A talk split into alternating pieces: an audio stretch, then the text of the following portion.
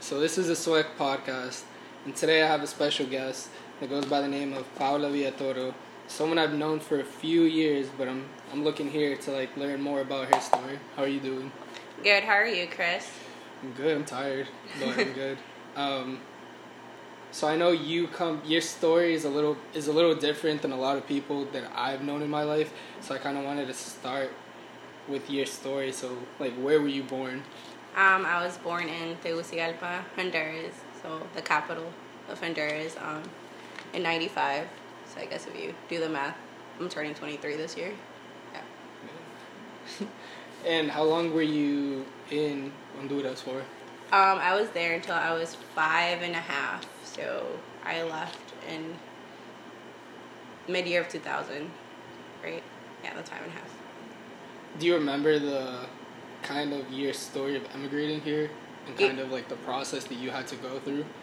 Yeah, so um, um, my dad he he left when I was two and a half um, to come here to the U.S. So my mom and I were by ourselves until I was like um, five and a half, and the reason he left is just like there was just simply like no work. Like he had a family, and there was there was just no work, so he didn't have any money. We had like we literally lived in a tiny little room. We're in the room I don't even know square feet, so I don't like want to make up a square footage, but like it was really really small, and the room had my mom like the bed, it had the kitchen, which was like literally like a tiny electric stove that you could just like move anywhere, basically like you just plugged it in, and it had like a small mini fridge and a table.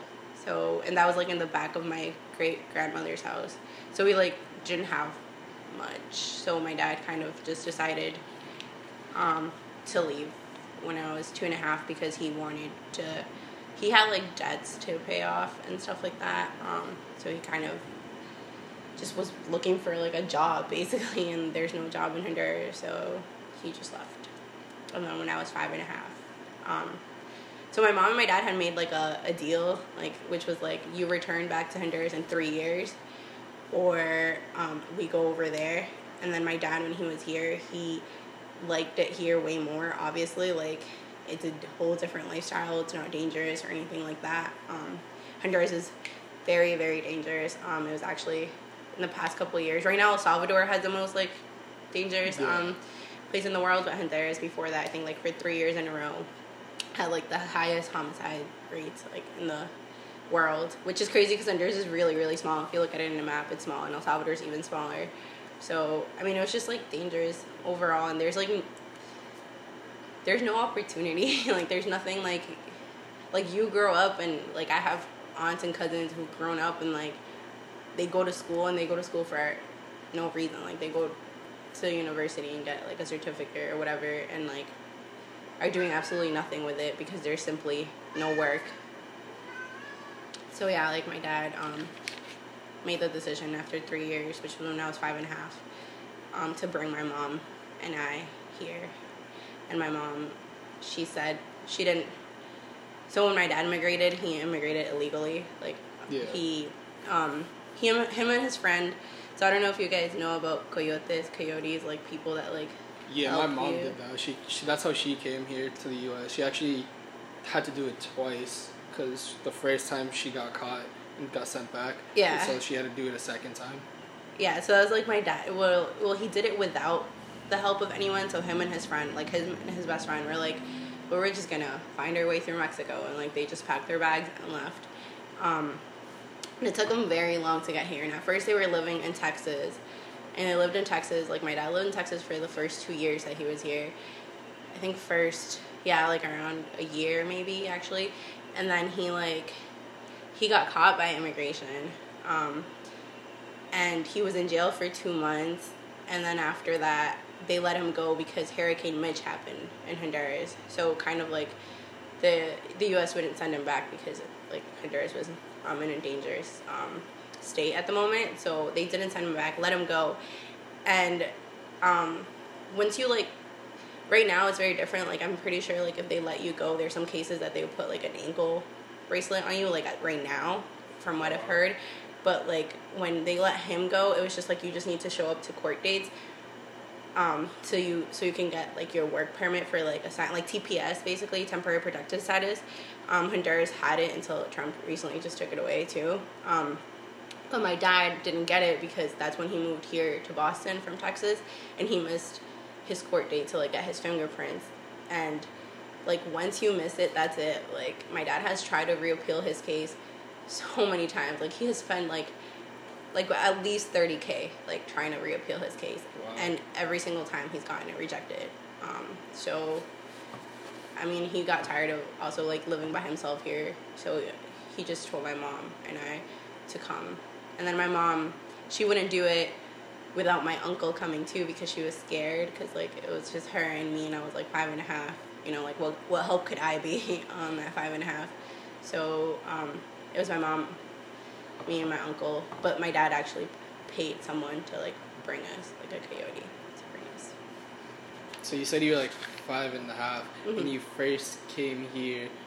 Like I know you're very young, but did you see like did you feel like kind of like a cultural shock when you first arrived here? Like hmm I remember a lot. Of, I have a really good memory, um, so I remember a lot of it. It was, I mean, I I remember like parts of like crossing. I remember a lot of it because I get motion sickness, so like I know I puked a lot. so I was like I was like puking on buses, on like boats, on like anything basically, um, and my uncle they separated him and I when we were um, they separated us like right before crossing because they told my mom like like he's not my dad you know? So if anything like he if if they were gonna catch us like they would catch me and my mom which we did get caught. We got caught like in texas. So like that's like my whole thing with the kids right now getting like separated from their parents like that was never a thing before like ever ever. Like my mom and i we got caught in texas on a greyhound bus because we had already crossed and everything and like I, even though I was a kid, I know I know like I felt scared because everybody else, you know, like you vibe off people's energy, right? So like if somebody else, like all adults are scared, you're scared too, even though you're a kid. Like you don't know what's going on, but you're scared. Um, and we got caught. We got like the Greyhound bus got stopped, and we were asked to get off. And then like immigration took us, and they held us for some time. Um, they took like my fingerprints and then they let us go and they let my mom like just like they took a, my mom and i together they let both of us go together um, and they told us to show up to court.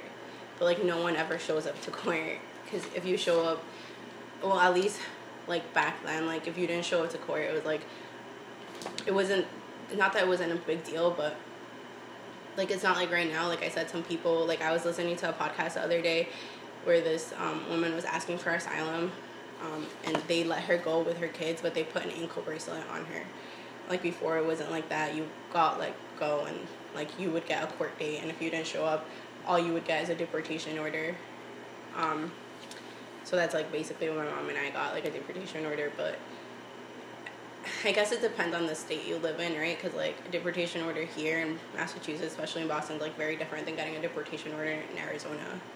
Yeah, because the proximity to the border, probably. I'm assuming. Yeah, and also like politics. Like Yeah. Arizona has very different, like just a whole different pol- political field in here.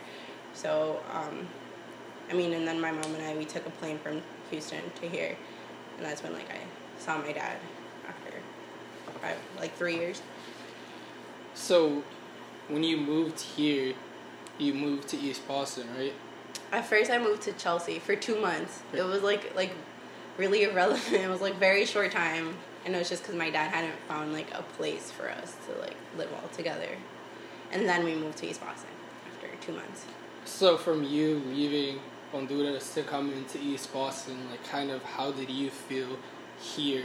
Because I, I kind of say this because I grew up here too, and I feel like a lot of people don't know that, like, in the early 2000s and like late 2000s there was a there was a heavy heavy population of like immigrants here but Mhm. not only immigrants but like just like Latinx people here and it was very very heavy and I me growing up I saw the difference once I left East Boston to the rest of Boston I would see the difference because here in Eastie I would, everyone would speak Spanish hmm every everybody would speak Spanish. Like all those jokes, like people on the corner selling stuff and all that other stuff, I would see here, and like I just thought it was normal. And Yeah. then like so like for you actually like immigrating here like how was that experience for you coming to like kind of like a neighborhood that was really really populated with like Latinx people at the time Uh, I think at first, like I was, like I was happy that they spoke Spanish because that's the only thing I could speak. I, I knew a little bit of English because I was going to a private school in Honduras. Because public school over there is just like a mess. Like you either go to a, private school and like get some sort of an education, or you go to public school and get like no education at all because they're just bad. Um, so I was learning English there, so I kind of knew like like very basic things, but it was like welcoming that everybody else knew Spanish. But I also like I remember feeling like really surprised when people were like, "Oh, like I'm from Colombia" or something like, because I didn't get that. Like I was five and a half, so I didn't get the concept of like somebody else, somebody being from like another country. Yeah. Yeah. like in my head, everybody like that spoke Spanish was like similar to me. Like therefore they were from Honduras too, like in my head. But um, I remember like just being surprised, like when people would be like, "I'm from El Salvador," and I'd always ask my mom, like, "Where is that?" Like, like I didn't get it, but it was definitely, I don't know, it was welcoming because like I remember we would go to appointments, the clinic, everything was in Spanish. Like you would get welcomes in in Spanish. The corner stores in Honduras we call them pulperias, like the little corner bodega stores. Like, and it was like the same thing here. There's so many corner stores. I just just felt welcoming. So then once you arrived, kind of, I assume that your parents kind of just like began putting you into school or like some type of daycare and stuff like that. But like obviously you coming here and speaking like very little English, I'm assuming that you were placed into ELS. hmm So uh, can you kind of speak about your experiences like trying to learn English in like that kind of environment? Yeah. Um, so when I arrived, it was was June. So it took my mom 15 days to like get here from Honduras to here. When we arrived, it was June, and I think like like this the time slot to like sign up kids for school was like over. So I didn't start that September. I started the September into like the year after. So I was out of school for like a whole year. Um, and like my mom tried to she would try to like teach me but not in English. Like I don't know if you guys ever heard of these books called Nachos and they're like for little kids to learn learn how to like write or like she yeah, I know. I know what you. I know what you're talking. about, Yeah. So like she would try to teach me with those but they were all in Spanish. And then when I started school it was like a shock because I didn't know anything. Because like my mom had been teaching me in Spanish so I didn't know like anything. Um, but yeah I did start in ELS I learned really quick so I only did ELS first grade and second grade. And then by third grade I was just in a plain English class. Um, but I did get bullied first grade. I'm not gonna mention her name. But she made my life fucking impossible. She was like I remember she like wrote like swears in my notebook one time in English, and I didn't know there were swears. And then I got in trouble for it, and I was like, like she was just like an evil little girl. like I don't understand why she would do that, but she did this. Yeah, she would do that, and then she like bullied me like all through like eighth grade, basically. Started in first grade, and yeah. After I learned English, it wasn't about my English. It was like about other bullshit. Yeah, I mean, I was gonna ask you about this. So I'm glad you mentioned it because, like, my sister grew up. My parents taught her Spanish first, Mhm. even though she was born here. They only spoke Spanish at the time, so they would speak Spanish to her, and that's all she knew. And then she would go into ELS. And so, like, I was gonna ask that because I feel like when kids are little, like, they're not really aware, essentially, sometimes of what they're doing. So, like, maybe she was bullying you, but she didn't really know. And like, I feel like sometimes kids are a little bit meaner because they're Yeah. not like those those senses aren't developed yet.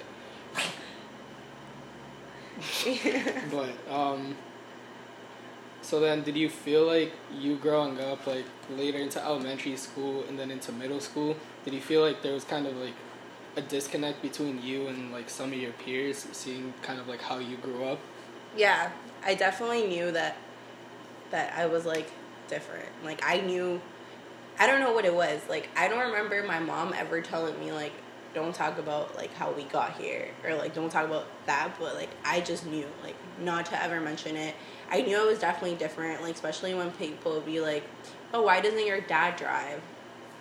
Like he can't get a license right? So like i knew why he couldn't drive. I knew like i knew there was something about the way that we came that he couldn't drive but i would never mention to people. I just be like oh he doesn't have money for a car which is like a very valid excuse like um so people wouldn't question it more and i I felt a disconnect too when people would be like, "Oh, like this summer I'm going back to like Colombia or El Salvador, like you know, to visit their family," and like I hadn't seen my grandma um, in years, or like the only contact I had was like over the phone. Like this is before like like WhatsApp was a thing and like you could FaceTime and all that stuff. So I definitely knew that there was something different.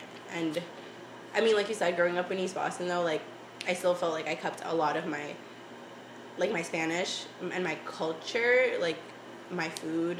Um, it wasn't. I don't know. Like I went to Donald McKay, and everybody there was Hispanic or like Latinx. Um, so, like when I got out of like East Boston when I went to BLA, that was like kind of like a shock too because BLA is like really really diverse and it's in Dorchester, like very different from East Boston. Um, so yeah, it was it was definitely a shock. You know, but I think I don't know. Like I think like the environment here in East Boston helped me like transition well. Um, are you an only child? No. No. So how many siblings do you have? Um, so I have a brother in Honduras. Um, he's my half brother, and then I have a brother here.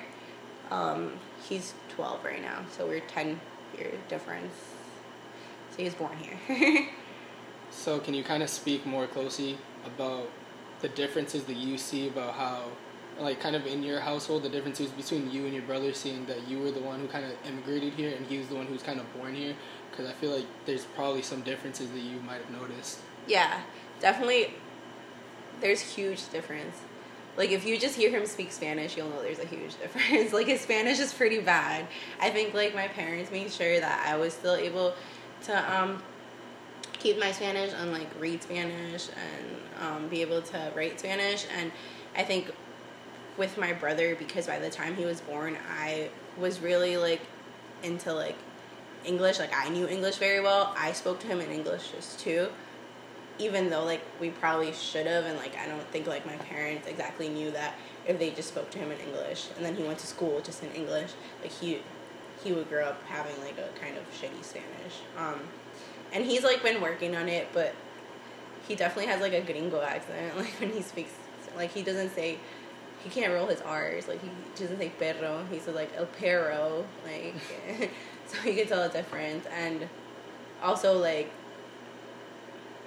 I I know like once I learned English, I was doing the whole translating thing. Like I'm sure a lot of us have done it. Like yeah. from Spanish or like from like any other language. Like when our parents are immigrants and you have to you learn you learn English faster. You're a kid, right? But your parents don't. So then they kind of rely on you. You're like eight translating like legal documents from the doctor or something like that. Um, and I'm to this day I'm still doing it. Like we were dealing with some insurance stuff right now, and like my dad kept relying on me right now to still like do it, and I'm like, you don't even ask my brother for help. Like my brother is right there too, and I was doing it bef- like way younger than he is right now. I was doing it like eight or seven, and they still rely on me. And i'm like you have like a whole son right there next to you that could be helping you with that but they don't like they don't really rely on him for any of that.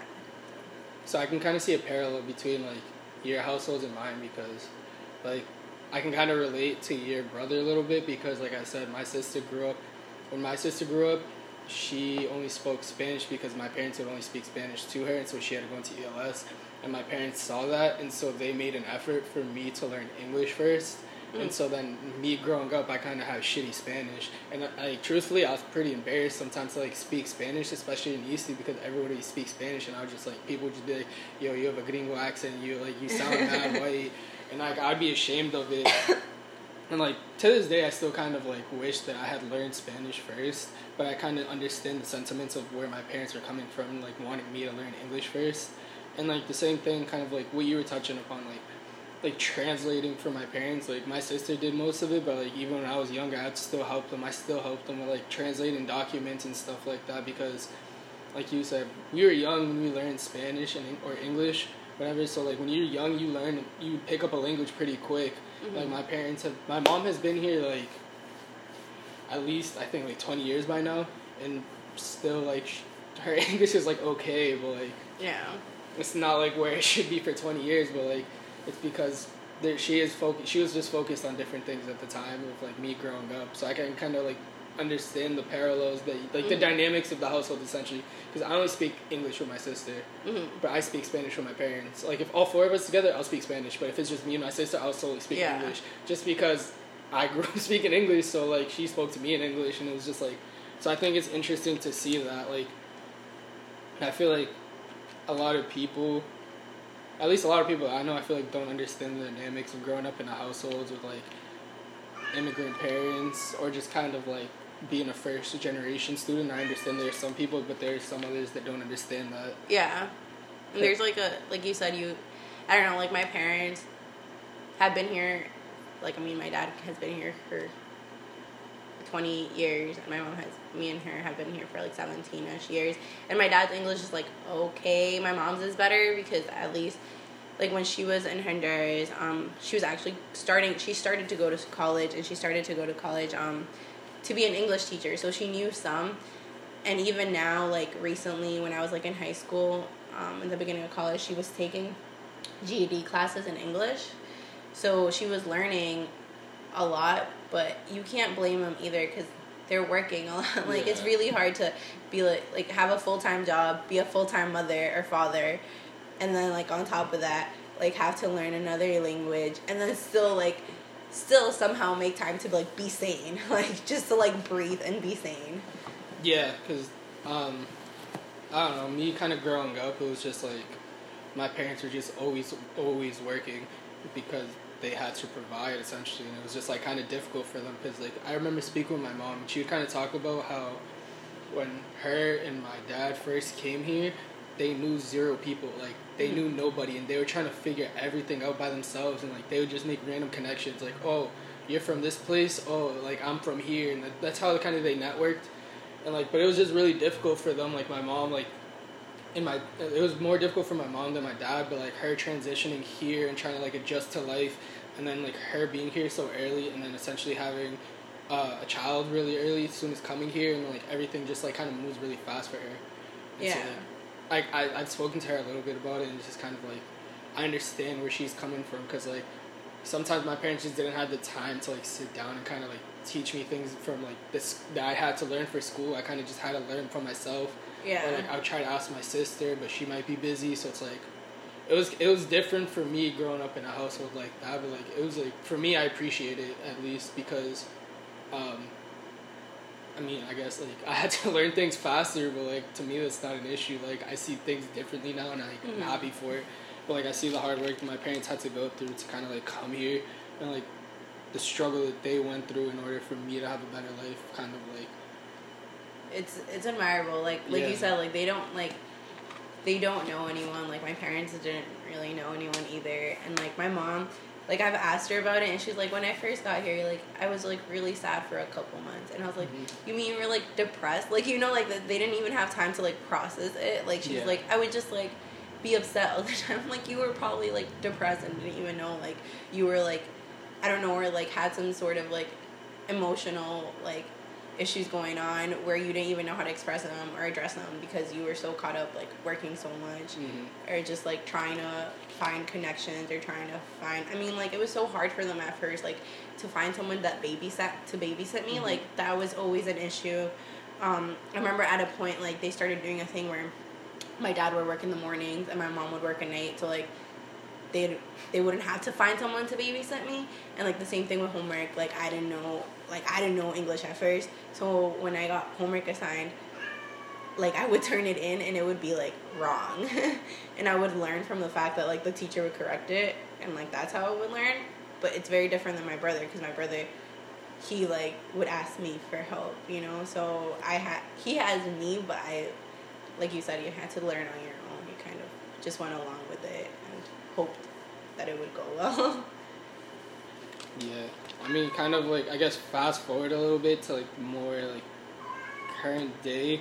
What was the process like for you when you were in, when you were a senior in high school, kind of like applying to colleges? Um, so I knew when I got when I started high school, like freshman year. I remember I remember so well. Like you remember those people that would go from Access to like the classroom and be like, "This Yeah. is how you apply." For, like every. Yeah. So they did it in ninth grade, and I remember I was so upset, like sitting there, because in my head I was like, I'm not gonna be able to apply. Like you know, like I was just like, and I don't know, like the thing is, my mom, like I said, my mom kind of had started college. She had two years in, and because she didn't have anyone to babysit me in Honduras too, she would also take me to um, she would also take me to class with her. So I remember like I would sit in college classes with my mom in Honduras. So I really wanted to go to college. Like it was like a goal of mine, but I like when they sat in that like when I sat in that class and they were like, These are the things you need for college, like I knew like there was one thing I wouldn't be able to fulfill, which was like be a US citizen. Like I had I had no status. Like I was I was an illegal immigrant. And I won't say alien and I think people should stop saying alien because I don't know. I think it's like very degrading to call people aliens, um, even if that's just like I guess the legal term. Um, but I, I was, and even like illegal, like it's just like not cool. um, but I guess so people understand. I had no status, um, and at the moment there was like, there was, there was nothing like political. There was there, there wasn't like a huge political movement. Like like they had started talking about Dream, um, the Dream Act and DACA but nothing was really being done. Everything kept getting shut down. Um, so I I don't know. I kind of gave up like ninth grade. I remember that was like my worst year um, in school because I kind of was just like fuck this. Like I'm not gonna get to college, go to college anyway. Like why should I be busting my ass to get like good grades? So I remember like I got like I think like a C in Miss Shaw's class I didn't really. she was she hated me so much at first. I had her again senior year, and she started liking me after she got over it. She was like, fine. Like I guess I kind of like her after I bothered her so much. Um, and then like tenth grade came, and I had Mr. Doherty, and Mr. Doherty and Mr. Hackett were like the first teachers that I ever like openly talked to about my status because um, I had always been like very reserved about it. I just wouldn't talk about it. Like I said, if people were like, when people were like, "Oh my god, I can't wait to turn sixteen to get my driver's license and stuff," like I just like would have like no input because um, I was just like, I was scared. Like honestly, it's scary, right? Like if you if you know you have a deportation order and you don't know like the intentions of the people around you and you don't know how people are gonna view you like nobody like no one would know if you're illegal or like not like what your status is at all unless you said it. So like you wouldn't know if people's intentions would be like, oh, she said that she is undocumented. Like I'm gonna like I don't know what they would do, but like you know what I mean. Like it was just like a fear, a, con- a constant fear. So the first teachers I told um, were Mr. Doherty and Mr. Hackett, and they were like very very understanding, and they were like I think like you should still try to do very like well in school. Like something will kind of work out and that same year, at the very end of that school year, it's sophomore year, um, which was I guess 2012.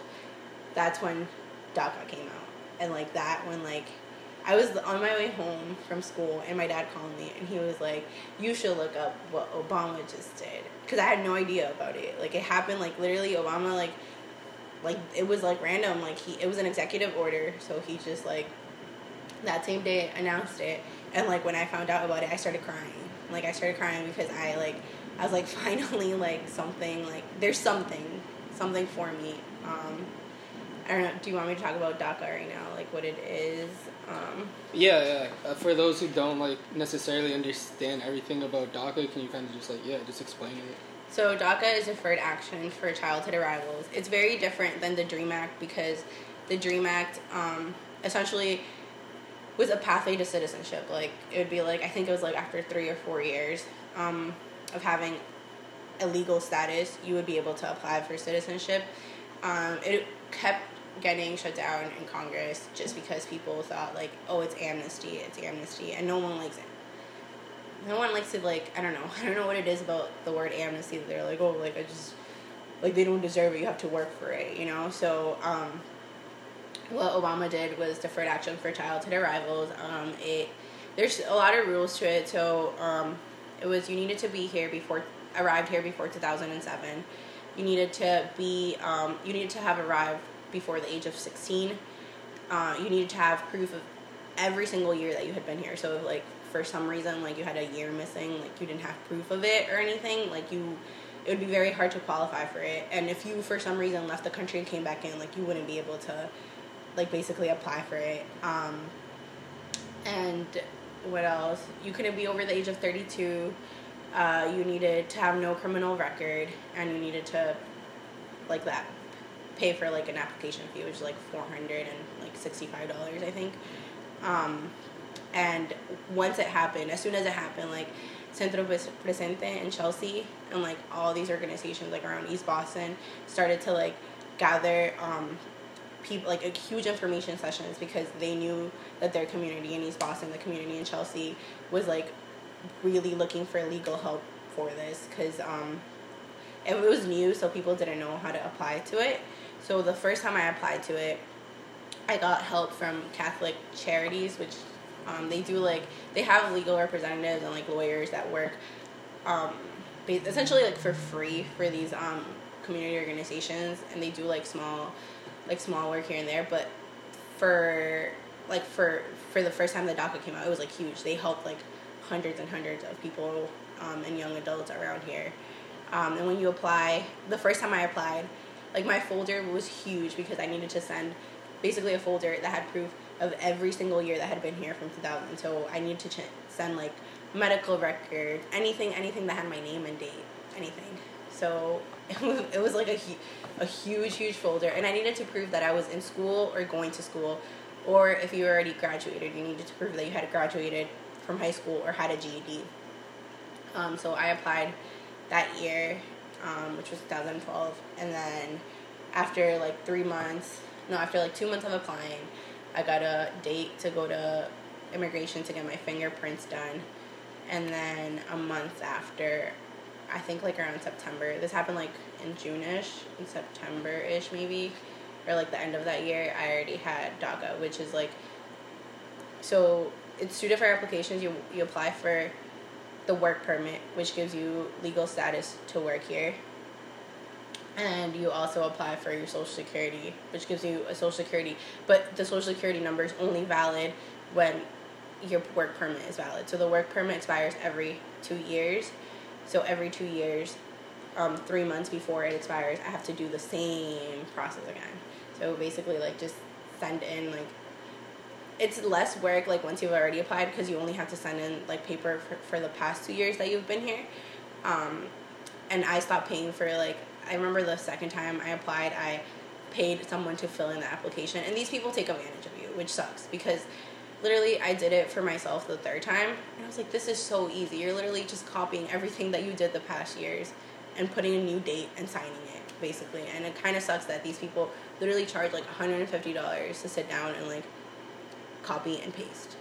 Yeah. yeah. So like I told I have other friends that had DACA, so I was like, why are you guys gonna pay? Like just sit there and like carefully like look through what you have said in the past, and you'll you'll be fine. So I, every two years I have to do the same thing. I have to go to um, like immigration, get fingerprints done. Have to send in like criminal record if I have any or anything like that. Um, which thankfully I don't. But even like even very very minor stuff, like very very minor stuff, could get you um could they could they could deny your status because of it. Like something as like, I mean like, like getting like a like a citation for like drive like a driving citation something like that or getting pulled over like stuff like that can get you denied which is kind of crazy because you have to like kind of be like tiptoeing all the time like watching your decisions making sure that like there's been times that like it's crossed my mind where i'm like oh my god if i get like caught here or something like I'm like I am gonna get deported and I know it sounds like extreme but it's not like when you're like in my position like you're just like anything that you do like like last month Jasmine had um like a very small barbecue at her house right? And we were like out there like just having a good time listening to music. It was late. It was like two in the morning. And Jasmine had a couple drinks, and like some like police from Revere showed up, but they weren't showing up because of us. They just showed up. They just happened to like stop outside where we were, and then they they just stayed there, and like they wouldn't answer like what they were there for. And Jasmine, like as soon as they left, I mean I know she's had her couple of drinks, but like it's a real fear that like like she even understands even though she was born here so she i mean she's a us citizen but her fear was like me like it was me and she was just like she just kept telling me like i was just so scared for you. And like i found it funny but at the same time i was like oh my god like this is so sweet because in her head like i think at a point she wanted me to leave. She just wanted me to get out of there. Like she just didn't want me to be anywhere near there because she was just like they're gonna ask her they're gonna ask her for her status and like even if you have DACA, there have been plenty of cases recently where people who have DACA have still gotten deported um, so that was her fear and like it's a it's honestly like a constant fear. Like I don't like I hate the idea of getting pulled over like when I'm driving or anything like that. Even though like in Boston like technically they're not supposed to work with like ICE once you get pulled over. Um, but it's still stressful. Like my dad recently just got hit um, and he doesn't have a license and now he has to show up to court because of it. So like I don't know. Like when he called me because um, they wouldn't let him go with the car because obviously he doesn't have a license. Um, it wasn't even his fault. It was like somebody ran into him like from they missed a stop sign and like ran straight into him and um, yeah, like now he has to go to court because of it. And yeah, like Boston police is not gonna call ICE. Like even the officer when I got there, he was like very understanding. He was like, "Hey, like I know families here to work and like to provide for their families, and I know your dad's a good guy." Um, but he just has to show up to court and like pay like a fine for it and like we we don't contact ice or anything like that but there's like a real fear like my like i don't know like when my dad called me i was like shaking because i was like fuck like you know he got stopped yeah like a real like a story kind of recent that kind of like i guess kind of similar to yours i think i read an article it was like some like the head of like bps was like like contacting ice and there was a student who actually got deported and so like like people like just because the media says like oh like you're in Massachusetts like not like one of the safest states whatever they might say just like things like that still occurring like the fear is still very real for like people mm-hmm. who are mm-hmm. like undocumented or like even if they have like a DACA status it's still like that fear that lingers there yeah I mean so my junior year, I did a semester like in Puerto Rico because I couldn't travel outside the country, so I did a semester over there. And one day when I was over there, my mom called me crying because she like she was home by herself with my brother, and there was like police knocking, but they were like knocking for the people upstairs. I don't know like whatever happened, but my mom was like terrified to open the door. Like when she like obviously they kind of had like a distinct knock. It was kind of like more like aggressive, and she didn't want to open and they kept saying like are you like is there someone in there? And like she told me that she went to hide my room because my room's like all the way in the back.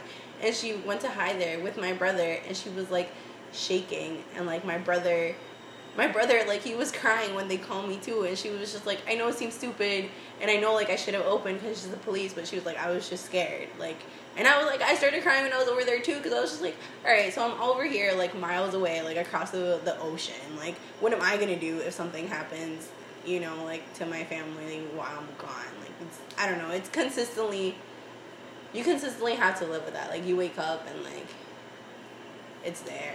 You go to sleep and it's there, and you're just like, fuck. so like you going into college, or like even like back to kind of like you going into college or like applying to colleges, how did that like DACA status kind of affect your like your process of being in, of getting into college or even while you're in college? Mm-hmm. So um, to kind of like talk about some myths, um, DACA students cannot get financial aid. Like money um, is a huge factor when you go to college for everyone, right? Like college is really expensive. Um, so to apply for any type of financial aid, which is like state aid or like any governmental aid, even like government loans, anything that's like government, you have to prove that you're a U.S. citizen. Um, so therefore, like when we like, I had to fill out FAFSA, but it was literally to fill out FAFSA to just like like tell schools like, hey, I filled out FAFSA. And like my year when I applied to college, it was the first year that colleges were getting um, DACA students. Like when I applied, no college. Like I had to call every single college that I applied to. I applied to like eight, and I was like, hey, do you like know what DACA is? And like kind of like to all eight had to explain like, hey, here's my situation. Um, I applied to a lot of like private schools because here's the thing private schools have a lot of institutional aid which is different than financial aid institutional aid is like private money that like people um, donate or they have like I don't know, like Harvard, right? Like Harvard is huge and they have a lot of donations, so that's why they accept a lot of DACA students. Um, and they don't really question you about your status because of the same reason. Because a lot of the money they give is not governmental money; it has nothing to do like tied to the government. It's more like private money, and they can distribute it however they want to. Um, there's still a lot of private schools that choose to even like Northeastern, like Northeastern. If you don't, you're not a U.S. citizen. Um, if you have DACA, like you really can't get any even if it's institutional aid, because and they they've made that choice. Um, so I applied to. I really wanted to go out of state. Like I really, it was kind of kind of sucked because I was like, everybody's gonna get the college experience. Like I really wanted to do this. I wanted to go to state, and I had a friend from here, from East Boston too, and she went to Santa Clara University, um, and she got like basically like a full ride. She's also like a brilliant, brilliant person. Um, but she and it was the same thing. It was like um, I think it was like a a private like organization that paid for her way through school, and she was like very blessed to have that in her life. Um, but yeah, I I applied to Santa Clara in hopes like that like I could get that, but like also my GPA my GPA wasn't bad. It was like a three five ish, three six ish, but it wasn't like a four. Like you know, it wasn't like a Harvard or like a private school. Yeah, you got a better GPA than I do. um, but still, like I wish I think if it, I wouldn't have fucked up like freshman year, it would have been better. Um, and I kind of regretted that like once I started applying to schools and even like like even the guidance counselors like I had um Miss Sullivan, she she kind of knew kind of what to do with my situation, but she kind of was like learning along the way too. But I had a guidance counselor, Mr. Gleason, and I will mention his name because I'm still mad at him about it. He like literally told me that he he just said he was like, "Oh, so how's your application stuff going?" And he knew about the situation because all the guidance counselors ended up knowing because they were trying to learn from like like this one instance with me. They were trying to learn for other students that were gonna have the same situation in the future, and he was like, "Oh, like you're just gonna end up going to Bunker Hill, like like." And I'm not saying Bunker Hill like is a bad place to end up in. Like everybody makes their own choices or whatever. But he said it to me in a way of like, like that's it for you, kind of thing. Like you know, you know what I mean? Like this is like. So I I've heard a similar story from somebody. I'm not gonna mention names, but he was basically telling me that he was speaking to Gleason about about call, going to college, and he was basically like, "Don't even bother, just go to Bunker Hill." That's yeah. basically what he was saying to to like this guy, and I was just like, that's, as a guidance counselor, I feel like you shouldn't be saying that to people. I feel like you should be encouraging them to apply and like go as far as they can, yeah. even even if they think it's a reach. Like try, not just being like just settle for this. Yeah, especially because like like I said, everybody has their own path. Like some people just want an associate's degree. Some people like it's a money thing too. Like like I said, college is really expensive. You start off at Bunker Hill, work yourself to a four year college. That's cool too. Like everybody has takes their own time. Everybody has their own college path. Like it's cool. But for me, it was like the way that he said it. It was kind of like that's it for you. And I was kind of like, I went I went back after I graduated, and I was like, hey, I just graduated from UMass Boston. I went there all four years. Like kind of like, you dude. Like that wasn't cool. Um, but yeah, it was. I got I got some institutional aid from like Elon University, which is in North Carolina, but I still needed to pay a lot of it out of pocket, which was like around fifteen, which was basically what I paid at UMass every year. But it's a very different situation going to North Carolina, where one like I would have to have money to pay for the fifteen plus like flights back and forth plus yeah. like all this other stuff. Whereas like I decide I decided on UMass like the day before decision day, which is like what May first or something like that. It's the first yeah. day of May, right? Yeah. Um, and I remember I was just sitting in the living room and I was like to my dad, like, hey, like, um, cause you know how you need to make a deposit. I was like, hey, tomorrow's decision day for like schools, and like I know I'm not gonna go to any of the other ones because none of them gave me like good enough money where I can be like, okay, like this is feasible for me and my family. Um, and my dad was like, all right, just like I guess just make the deposit for UMass Boston. And I was like, how are we gonna pay for it? And my dad was like, I don't know, but just make the deposit. And I was like, okay. And he gave me the money to make the deposit for UMass Boston. And like we had no idea how we were gonna pay for it. I like absolutely, I just went into it blind. And I started applying to scholarships. I applied to, so Boston Scholar Athletes gave me like a scholarship that I applied to. They gave me like two thousand five hundred for my first semester, and then um, a foundation to be named later gave me um, some money too. They gave me like around the same. No, they gave me five thousand. So for me, at least getting getting like those seven thousand five hundred, which is like around the price per semester anyway at UMass. Like even just getting the first semester in, I was like, all right, I have the first semester paid for. What am I gonna do like to pay the next? It gave me some time to like build a plan or like think of something. Um, and even at first, like I was really doubting myself. I was like, I remember I told someone like, um, I think I'm gonna go to UMass, but I think I'm gonna go to school part time because I can't like do full time school and full time work. I just can't. And then I started working full time and going to class full time, and then that just became my life. And then I, like, I never questioned it again. I never was like, oh, I can't do it. Like, should I take less classes? I kind of was just like, all right, this is it. Like, like I'm just gonna stick through it, and that's that's basically what I did. Um, I just stuck through it and kind of did like a payment plan with UMass. They, yeah, like you split into four months. So the the first year and a half, my dad helped me. We would take turns, so he would pay one semester, I'd pay the next, he'd pay one, and then like, like every family, my dad and I had our differences and issues, and then he just stopped helping me pay.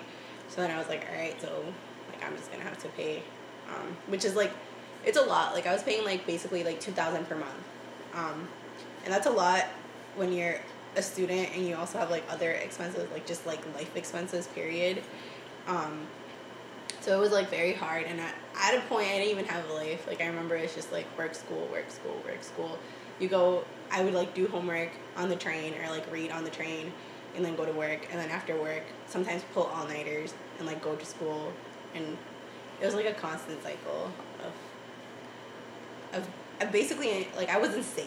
Like kind of like I would kind of lose it sometimes. It was too much. I mean that's very like. I mean I, I think it's very admirable like impressive that you were able to do that because I know a lot of people that just like take like 14 credits or like or the minimum credits and they're just kind of like whoa I can't do this or like there's people that just don't know how to handle like they don't know how to control their time mm-hmm. or like mm-hmm. time management and then you're here and then there's students like you that are going going full time as students and then they're also full time working and then you also have to like balance the work that comes after the classes and things like that which I think is very impressive because I feel like most people wouldn't be able to do that. But then again, just kind of going tying it back to your situation, it's just that you don't, you didn't necessarily have the luxury that a lot of people had to not do that. Yeah. You kind of had to do that, and you were just it never, like you said, it never crossed your mind like, oh, let me just like stop doing this for a little bit because you can't stop doing it. And I feel like this is a lot of, these are kind of the uh, the myths I feel like that some people have that like oh you don't have to do this you don't have to do that. Like you have these options when in reality like and sometimes when you're in this situation you don't really have that many options. And it's just kind of like you choose the lesser of the worst options that you have. Yeah. And like i feel like that's just kind of like a concept that some people can't grasp for some reason. Yeah. I mean like like you said like you sometimes you don't have an option. And, and i knew i wanted to go to school. Like i knew i wanted to finish. Um especially like i had a thing like where I knew like I wanted to finish because of my mom, and not because I owe her anything like that. I mean, I mean, I technically I do, right? Like, actually, I'll take that back because she left Honduras. She stopped going to school because of me. She sacrificed so many things, and I could have done so many other things rather than finishing school. But like, I don't know. I I just wanted to do it for her. Like, I literally just wanted her to watch me walk across the stage. Like. I mean, I can relate to that because I don't. I mean, like, I I don't want to speak for you or anybody else. So I just speak for myself. But like my parents coming here to the U.S., their idea of me and my sister getting a better life was through education. Mm-hmm. So they're like, in my mind, like even from when I was little, I, I never questioned the idea that I had to go to college. Mm-hmm. I never questioned it, and like ever since I was little, my parents had asked me and my sister, "Hey, what do you want to do when you're older? Hey, what do you want to study? Like X, Y, and Z." So like for me, it never really crossed my mind. The, even the thought of like I'm not going to school. It's kind of more like where am I going to school? What mm-hmm. am I studying? Because I don't know. I feel like when I've talked to certain like people who grew up in immigrant households, it's that like that's that's the plan. That's the idea. Like mm-hmm. we came here to give you a better life and a better life from their understanding is through education. Like yeah. you will better yourself through education. Yeah. No, that that that is very true. Like I think like that was really the expectation and my parents my parents knew like I remember like especially in high school, like like I think I like I had like a breakdown one day because I was like so overwhelmed like the applying and the fact that I had to call every office and be like, here's my situation. like it was just like very overwhelming, and my mom like apologized to me for bringing me here. And like she was like I'm so sorry. Like if I knew that when you're older this was gonna be your situation like I wouldn't have. And like I I was so mad she apologized to me. I was like no. Like no absolutely not. Like she had no reason to apologize to me. She she did what like um I think any mom would do. And like I know there's people that are like do it the right way. Like why would you leave? Like especially right now with the kids um the situation with the kids at the border getting separated um they're like why why would these parents do this for this kid? I'm like no like you don't understand. When you are a parent like i'm not a parent but i'm i'm sure like when anybody is a parent they would do anything for their kid. And if you see no future where you're at if you see absolutely like nothing for your child um you would do absolutely anything. And which like it baffles me that people are like why would you choose to come like like that way? And i'm like all right you have to think about like put it in perspective. If they're choosing to risk their life like my parents did, which is like you're you're risking everything. You're sacrificing your culture because like you're leaving everything, your food, your family, uh, friendships, um, your life by crossing the border. Like if you're sacrificing all those things, what you're sacrificing it for must be better on the other side, right? Like you must expect something better, like a better outcome. So the families crossing right now, like for them, crossing is less dangerous than staying at home. And that was it for my parents too. Like crossing like was like my mom coming was less dangerous than me staying at home. Like I remember one day when I was walking from my aunt's house in Honduras, this guy like who had like tattoos, and I'm not saying tattoos are a bad thing, but in Honduras and El Salvador, if you have a tattoo, you're a gang member. Like that's it. Like that's why like Central American families are so big on like not getting tattoos because like it's just a mentality and it's just how it is over there. You have tattoos, you're a gang member, and this guy with like tattoos and like like all over him and like a huge machete, machete that was like walking like right next to it. And I know I had like I was like probably like five. It was like right before we came. I felt fear and like just growing up like that and the fact that I like my room was this tiny little thing where everything was in the same place. Like I don't know. Like my parents didn't want that for me and they did everything they could and they have nothing to apologize for and they should they should they should be so unapologetic about it. Like every immigrant parent out here doing that. Yeah i think that's a concept that a lot of people just can't grasp. The idea that people come here because it's it, it's worse to stay where they were.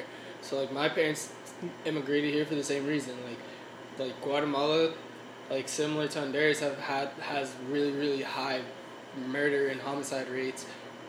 And the country's tiny. Like mm-hmm. it's extremely tiny, and like now there's just like increased violence nowadays because of like cartels like going in and out through there, drugs and all this other stuff. But even back in the day, it was the same thing. Like gangs, like my family still receives like like from family members saying like, oh, this person's getting extorted, mm-hmm. like this is happening, like oh, this guy like got murdered. Like I remember the first time I went to Guatemala and I came, I went to where my mom grew up, like where she grew up in her town, and like she kind of like my grandma lived in like a mountain, so we had to go like go up the mountain, like kind of walk up, and like as we were walking up, someone was talking to us. They're like, "Oh yeah, like yesterday."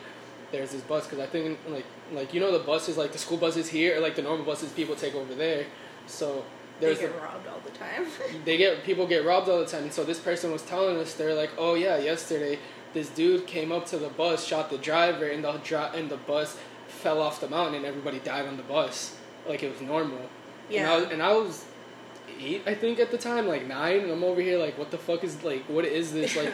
and like I'm, I was like seeing firsthand like one the poverty, like poverty in the U.S. and then poverty in like Central America, extremely different. Mm-hmm.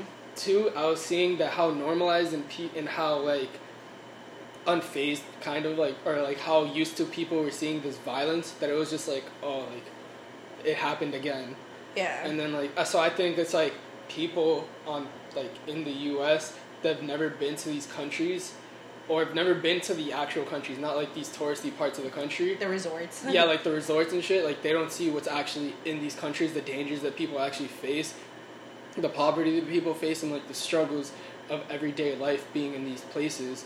And so I uh, that's I think it's a big misconception. I feel like people are just like, oh, like you could you could figure it out. Like people are just like not empathetic to the situations that people are coming from, and I think that's a big big situation.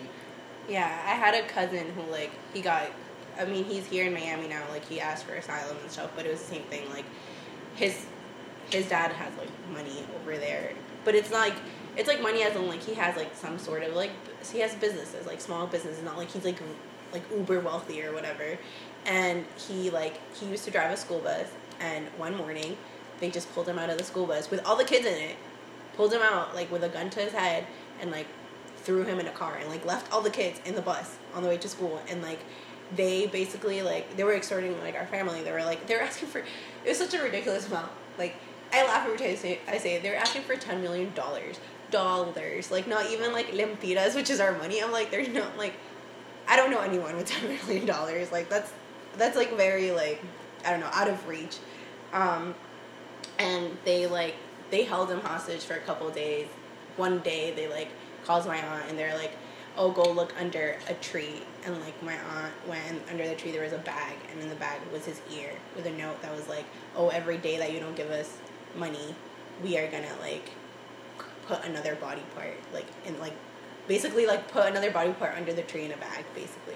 I was in ninth grade and i remember i was like having a tough time with it and miss mix i had miss mix at the time she was like it was so funny she was like you're not performing very well you're going from an A to an A minus. I was like, all right, first of all, chill. Like an A to an A minus is not that bad. Second of all, like my family right now is like stressed the fuck out. Like we're trying to figure out how to get this money, like which was impossible. I mean, we collected some, and then eventually, we like like they found him. Like the police found him, and he was alive, and like he got like surgery in his ear, and he has an ear now. But and then we donated the money. Like my aunt, his mom donated the money to like um I think it was like a like a shelter over there with like poor kids and stuff because we didn't need the money anymore and we wanted to do something good with it.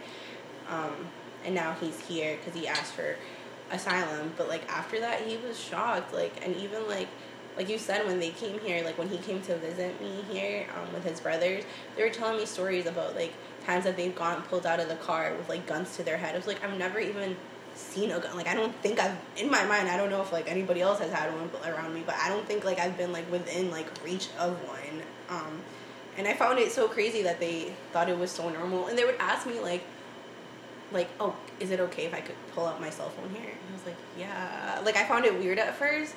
I was like, yeah, you could pull out your cell phone here, but it makes sense because over there they literally have to hide their phones. They have to have them on silent so that they don't ring when they're out because if they ring, like somebody, robbed. yeah, you get robbed.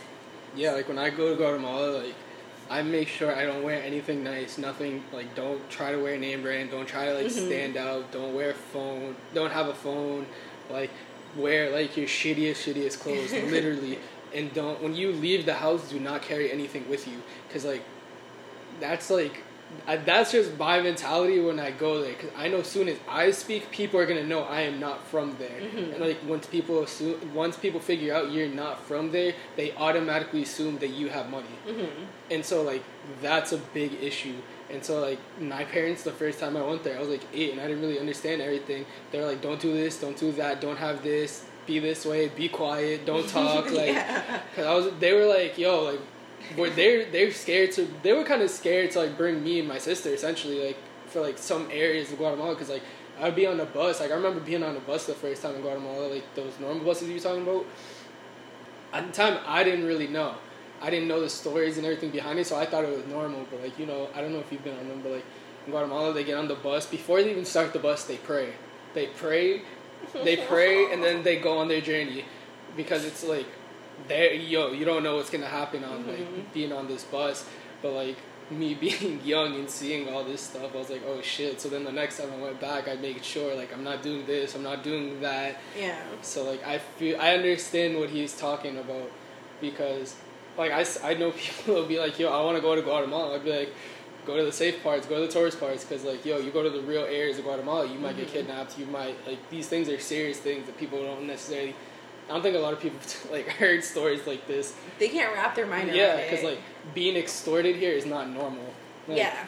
getting on like, like getting shot is like being on like the MBTA, like like the one sixteen, and someone coming on and just robbing everybody on the bus. Like that's not normal here. Like stuff like that is just like like it's extreme in those cases that I feel like a lot of people aren't used to hearing. Yeah. Especially seeing, but like not even hearing those type of situations, because I feel like the stories that do make the news here are kind of like to hear they're like whoa like this is a big scene but like like Guatemala like Central America was like very very normal things mm-hmm. essentially because people are so so used to it that it's like weird for you not to hear it sometimes yeah I think it's important to keep those stories like you said you don't you don't hear about them in the news and like even like I remember one time there was like a Times article on like Honduras um, and it was like I thought it was I mean I I was surprised that it was like even on there, and it was about um, this reporter who went to Honduras and she explored like the dangers of like actually like especially the capital, and I couldn't read it without like stop. It was a huge article, and I couldn't read it without stopping midway. Like I stopped at least four or five times because I was reading it at work, and I wanted to like just like break down so bad because like one of them was just like this girl that like so like if if a if a gang runs your street, like they run the street. Like you can't do anything without them knowing. You can't like you can't live your life basically. They ask you for a ransom. They ask you for rent. Like so this girl didn't want to be the boy, like the girlfriend of like one of the gang members, and she like, but like that's not an option over there. Like once they like you and they think that they want you to be there, like over there, like in Central America, like there's a there's even a term for it, like femis femicide, femicidio. Yeah like because women are treated like so shitty and like they don't really have like an like I don't know like they don't have a platform to express a lot of like the dangers of being a woman over there and they wanted her to be this guy's girlfriend and the girl kept saying no until like they ended up killing her and when they killed her they killed her in um like basically the same street as she lived in just like in an abandoned house called the mom raped her while her mom heard it on the phone and like killed her while the mom was like on the phone.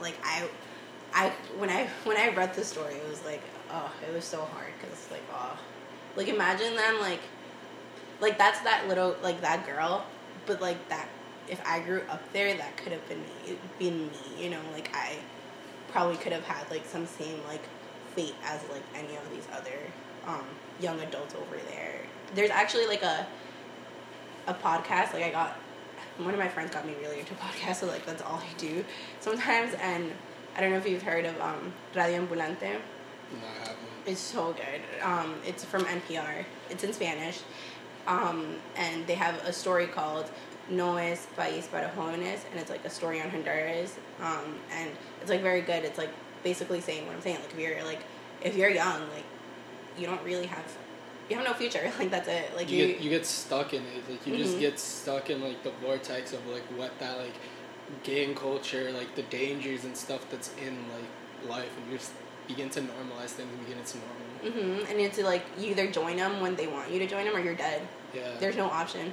Um, and a lot of people choose to join them because they kind of want to live, and then they ended up they end up doing like really cruel things, like killing family members and stuff like that. So it's very it's very hard. But if any of you speak Spanish, I highly recommend so kind of moving towards I guess like today's like climate, I guess like today's political climate is very like tense. And you being a DACA student and you or you having DACA status, um, and with our with the new president, um, Trump and his rhetoric, do you think like how has his rhetoric kind of affected you personally? Um, a lot. I didn't think he was gonna win. Um, so like, I wasn't prepared for it at first. Like I, I feel I feel like everybody else was kind of like it's a joke. Like you know he's not going to win. And when I woke up the next day, like I bawled my eyes out, and I didn't even go to class the, the next day. Um, I had a test and I missed the test because like I just like I don't know like I was just so upset about it and like the day after that I went which like I'm so thankful that I went to UMass because very different reaction like I asked Jasmine Yahara who went to Bentley like like what happened after he won and they were like like nothing like and I went to UMass, um, and I literally like my Portuguese professor. She, like, as soon as we got to class, she like pulled up a chair at the front, and she was like, "All right, let's talk about this," like, because like she thought it was more important to address like this like huge, huge, huge political like, like, issue that was going on than to have class. Um, and I I mean I really appreciate it from all professors. Like every single one of my professors talked about it, and I remember one of them was like, "All right, so who's upset that?" No, she was like, he was like, "Who's happy that Trump won?" And like, of course, you had your few people that like raised their hand, and then he was like, "Who's upset?" And like, obviously, I raised my hand, and like other people too, and then there was like, he was like, "Who's indifferent?" And then like after like this was at the end of class, and then after that, like this girl came up to me and she was like, "You shouldn't be upset that he won." She had raised her hand for indifference, so she was indifferent about it. She was like, "He's not to do any of the things that he said he's to do."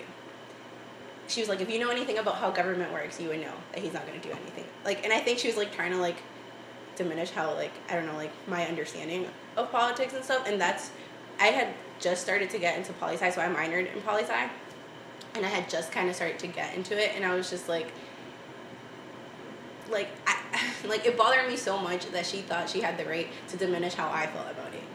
And I told her I was like, you don't know my position, like in like meaning like my status or like any other position, like not just my status. Like if you're a person of color, if you are part of the LGBTQ community, like anything like that, like you don't know what other people's like life stories are.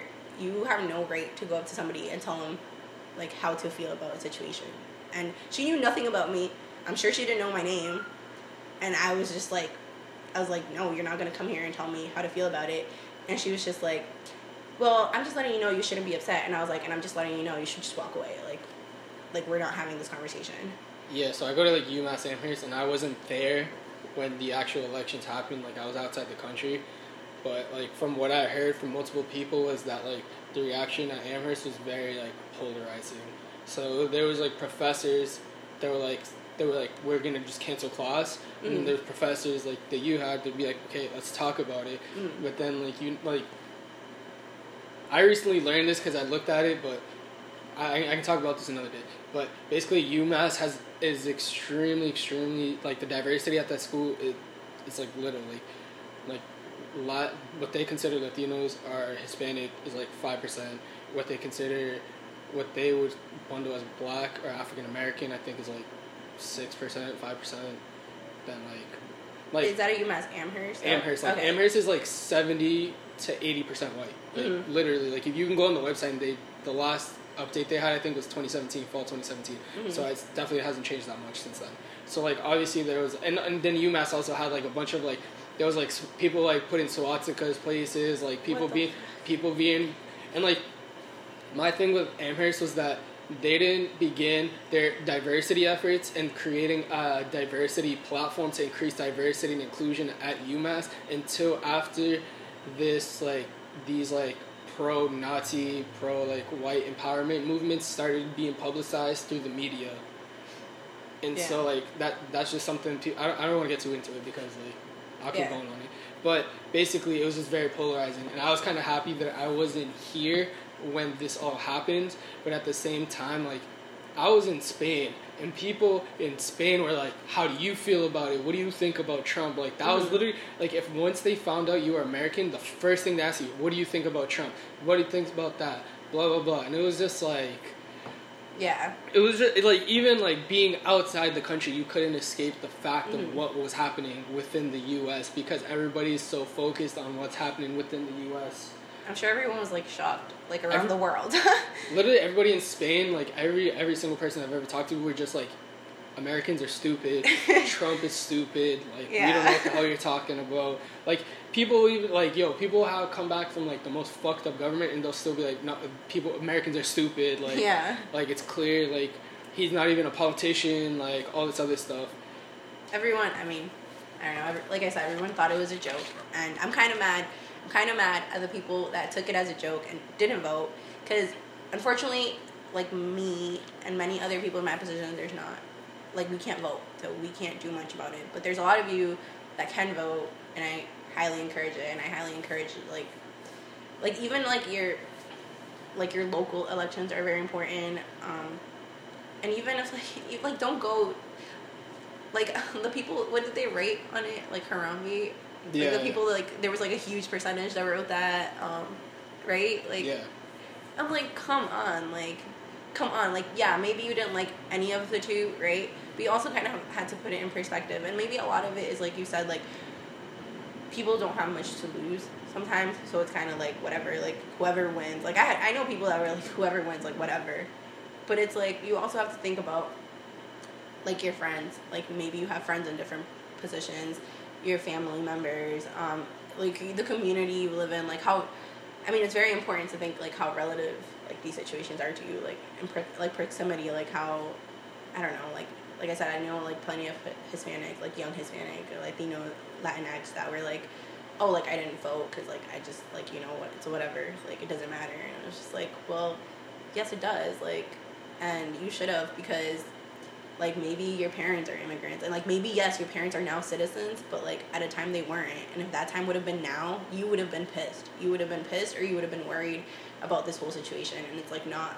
it's not fair to have this one opportunity and like kind of like just let it go to waste. And i don't know it was like it was hard and after at first like i wouldn't talk about my status at school either. So like UMass Boston accepts I'm, I'm sure UMass Amherst does too. They accept DACA students so you have to like prove like you have to send a a le- the letter from immigration that you get, they have deferred action for childhood arrivals.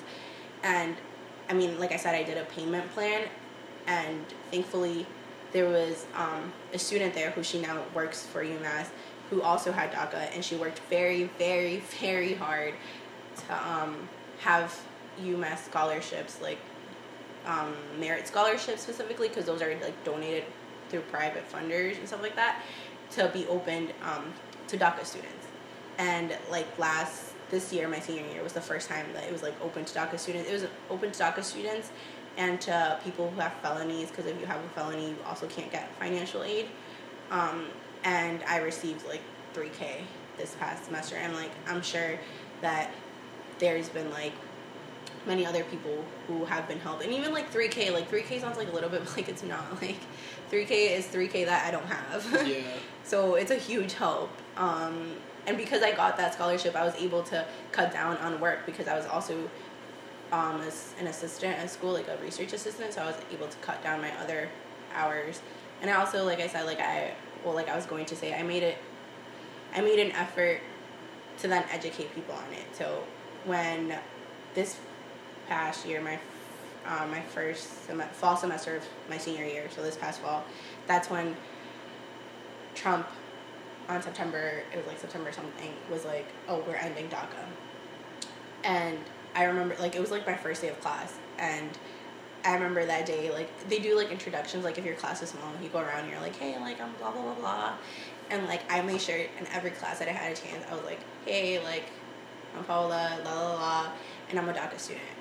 And I was just like, and if you have any questions about it, or if you have, like, anything you're curious about, if you don't know what it is, like, because it was all over the news that day. I was just like, if you have anything to say about it, or like, I prefer, like, if you're ignorant about the situation, like, I prefer to have someone say, like, hey, I'm ignorant about it, than just to make assumptions on it and be like, hey, like, can you educate me on this, or can you help me, like, understand, like, why it works like this, or can you help me understand why you can't apply for citizenship? Because people don't get that. Like, I heard in so so many of my poli classes, like, why can't they just get in the back of the line? I'm like, show me the fucking line, and I'll be right there.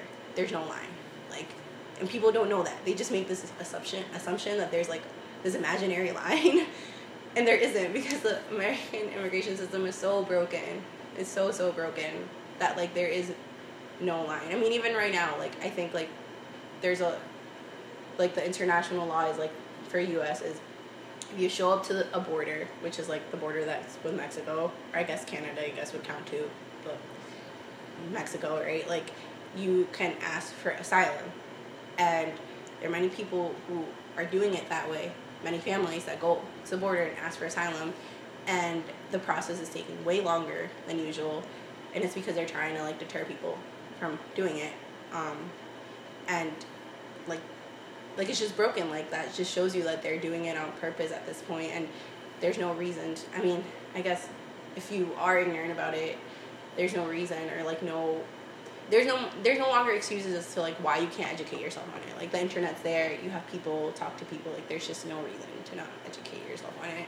So I think in this case and in a lot of different cases, people just listen to what's posted on media Mm-hmm. or like like platforms, the news or whatever, which tends to be very biased and depending on which network you do you listen to or you watch or whatever, however you you internalize it or like process it, that a lot of people just take it for face value and they don't do their own research Mhm. and then like and then then those people who are ignorant I want to say I want to say that like I personally sometimes I try to view like this way that being ignorant doesn't necessarily have to be negative. Yeah. It just has this negative connotation that comes with it. Mm-hmm. But a lot of people are scared to ask questions because they don't want to come off as being ignorant. Mm-hmm. When sometimes just asking questions is the better route to like getting answers, and I think that's just kind of like a thing that happens to a lot of people. And I, I don't want to say I'm perfect either because like I probably do it a lot sometimes as well. So I don't want to mm-hmm. say I'm perfect either.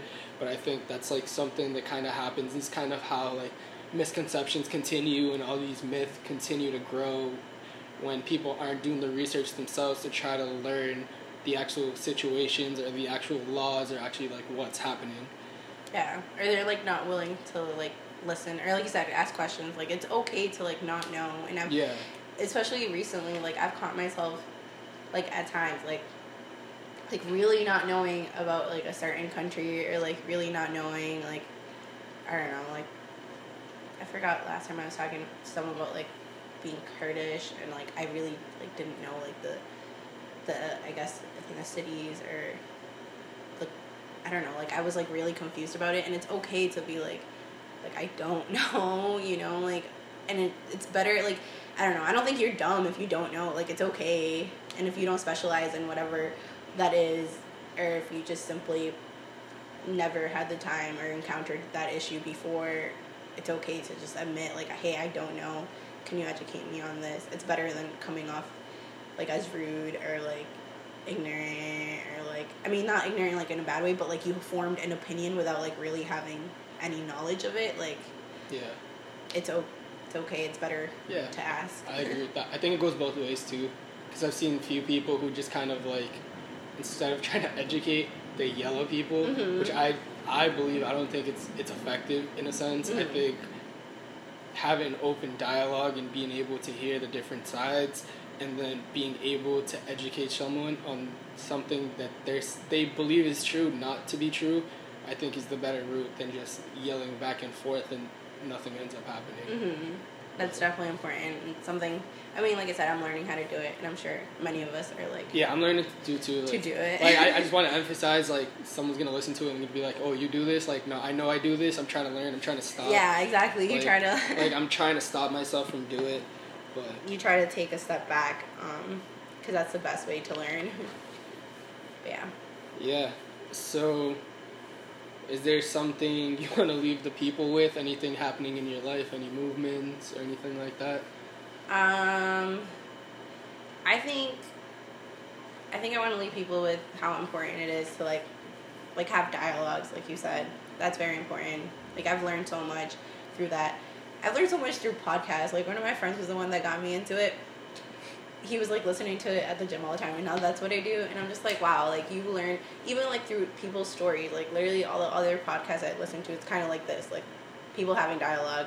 There's a story behind it, and you learn so much. And even like on the way to like work or like anything, or even just having like conversations with your coworkers, even if they seem like ignorant on certain subjects or they make small comments like I'm not saying call them out and be like, yo, fuck you, like you don't know about this or anything, but like saying like, hey, why do you think that? Or like, hey, like like all that stuff is important. And I think I think we need to get more involved. Like there's this statistic that like millennials are more likely to volunteer for like political movements than to actually like be volunteers than to actually like vote. And like that statistic kind of sucks because like come on, like we we should be I mean, I wish I could vote, but if I mean I've been trying to get myself involved in other ways and I think I think people should take that into consideration, like the people that they're around and how getting involved or even going to vote or anything like that can affect all the other people around you. Like if you like I don't know, like if you have like like let's say a gay friend, right? Like you may not be gay, but clearly like this like Trump being president's not helping the LGBTQ community either, right? So like maybe not be immigration, but like other vulnerable groups out there. Um, and I I was mentioning to you earlier that I found out until this um, summer that there is a Boston Council for Millennials. It's called Spark Boston. Um, I'm going through the application process. You apply. They pick. You have to be between the ages of 20 to 34 or 32, I think. Um, the applications for this year are up, like it's finished, but next year for all of you that are listening, um, it's they start doing it I think in like June ish, and they do have like like events throughout the year. So you serve for a year if you get chosen for it. They pick twenty of them, and I recently just went to one of the um, one of the group interviews, and it was very heartbreaking that every single, like almost every single person in that room was not native from Boston. So it was like a lot of people that just like recently moved in in the last couple of years, um, and that they were there was a lot of them, most of them were white, and I'm not saying that there's wrong something wrong with like white people, but like the representatives for East Boston are white. Like you know, like, like yeah. that's not representative of your community. And if I, I can get involved in this because I don't need to like like I don't need my citizenship to do this, so this is my way to get involved. But many of us can like it's I think it's like one Monday every month that you go to like meetings and you plan small events and stuff like that. But once you like once you surround yourself like in this setting, you'll know that there's so many like your your opinion is so valuable or like what you have to input in when there is situations like this where there's not enough uh, minority representation. Um, it's so valuable and adds so much. Like most of like most of the, we had to like part of the group interviews to make policy changes or like suggest policy changes and my group like they kept like any policy change that they would do they kept on like forgetting about um the immigrant community and I would just kind of like butt in like hey like you got to remember like I think like one of the questions was like how would you connect homeowners and renters in like the city of Boston where like homeowners a lot of the times are like huge developers right now or like or just like people that don't even live in the city that just own the home and people like they rent it out. And like a lot of them were like oh we could do like a happy hour la la la. And i was like all right but like right there just by saying that you're not counting like the families who like work all day not counting like kids like why me if i'm a, a mom of like two kids why am i going to go to a happy hour with my kids? Like it's like the kids are not going to be happy there. I may be happy, but the kids aren't, right? Like uh, they were like very like they kept missing that stuff, and a lot of the time it's not their fault because they have a different experience, they live a different life. Um, but I thought it was very valuable that like I could be like, hey, like you know, let's speak up for like the immigrant families or like just families overall um, that still live in Boston. Like Boston is not like there's still families here. It's not just millennials. Like, um, so I think it's very important to even just like go to things like that. Go to community meetings. Like community meetings, we I had to do a project on housing, and it was just like full of like old white people. And it's in East Boston, and I was just like, "Come on, like that's also not representative, and like, it's not fair. It's not fair that those are the only people voicing their opinions, you know? So doing stuff like that is very helpful. I, I think, and I think that's that's what I want to leave it with, like encouraging people to educate themselves on like certain subjects, anything, ask questions, and like involve yourself politically. Like you don't have to be like like volunteering at a campaign. You don't have to do all that. You don't have to do Spark Boston. You don't have to do all that stuff. But even just like voting, signing, like registering to vote, small things like that, like is very very helpful. Yeah. Well, thank you for coming. I think I appreciate you sharing your story a lot. I think it's very brave, and you being able to share this for other people to hear. I look forward to the work that you're going to be doing with other people, and I think that what you're doing is great. to help represent those that are underrepresented, and I appreciate everything that you did. Thank you. Thank you for providing me the platform. I think it's important. Thank you. this has been the Swag Podcast.